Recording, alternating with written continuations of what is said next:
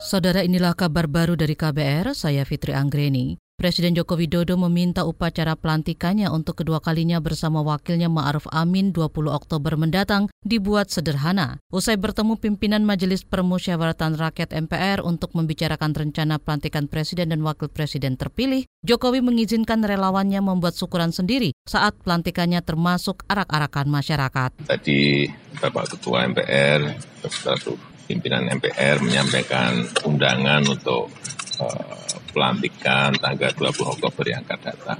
Saya juga menyampaikan bahwa penyelenggaraan upacara dan perayaan di dalam pelantikan dilakukan uh, sederhana saja, tapi juga tanpa mengurangi ke kekhidmatan dan keagungan dari acara itu.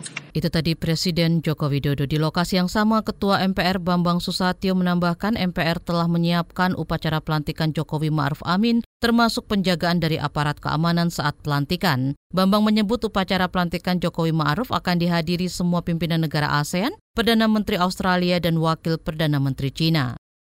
Kementerian Koordinator Perekonomian mengklaim telah merealisasikan kucuran dana sebesar 102 triliun rupiah sejak Januari hingga September 2019 melalui kredit usaha rakyat atau KUR. Menteri Koordinator Perekonomian Darmin Nasution menyebut program KUR sendiri sudah berlangsung sejak 2017 dengan anggaran 140 triliun rupiah per tahun. Darmin mengatakan di tahun keempat ini penyaluran KUR mencapai 430-an triliun rupiah dan telah dimanfaatkan oleh 17 juta lebih debitur. Dia menambahkan saat ini pemerintah memperluas penyaluran KUR kepada kelompok atau klaster atau komunitas, termasuk kegiatan yang tidak hanya di bidang perikanan dan pertanian, tapi juga sektor jasa.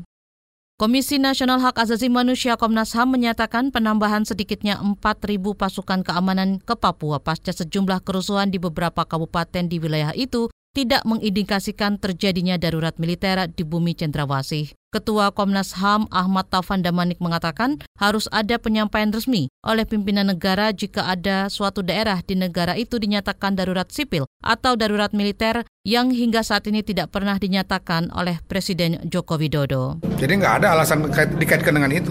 Pemimpin nasional nggak pernah mengatakan itu. Ya karena itu kita menganggap ini bukan darurat sipil dan bukan darurat militer. Jadi operasi keamanan di dalam menangani satu uh, satu peristiwa kekerasan kerusuhan aja. Ketua Komnas HAM Ahmad Taufan Damanik menyebut situasi Papua kini hampir sama seperti daerah lain di Indonesia, misal kondisi Jakarta yang dinyatakan siaga satu ketika terjadi kerusuhan. Komnas HAM juga mempertanyakan alasan penambahan pasukan ke Papua, termasuk jumlah tugas dan penempatan petugas itu. Apalagi kasus kekerasan masih terjadi di Papua dan warga yang melapor malah tidak mendapat perlindungan. Sejumlah ruangan di kantor Wali Kota Medan, Sumatera Utara disegel Komisi Pemberantasan Korupsi KPK pasca operasi tangkap tangan terhadap Wali Kota Medan, Zulmi Eldin kemarin. Penyegelan sejumlah ruangan itu dibenarkan Wakil Wali Kota Medan, Ahyar Nasution. Ada sebagian daripada ruangan di kantor Wali Kota ini dilakukan penyegelan oleh KPK. Mengenai apa dan siapa itu kami belum dapat konfirmasi dari KPK. Hanya terima informasi dari media.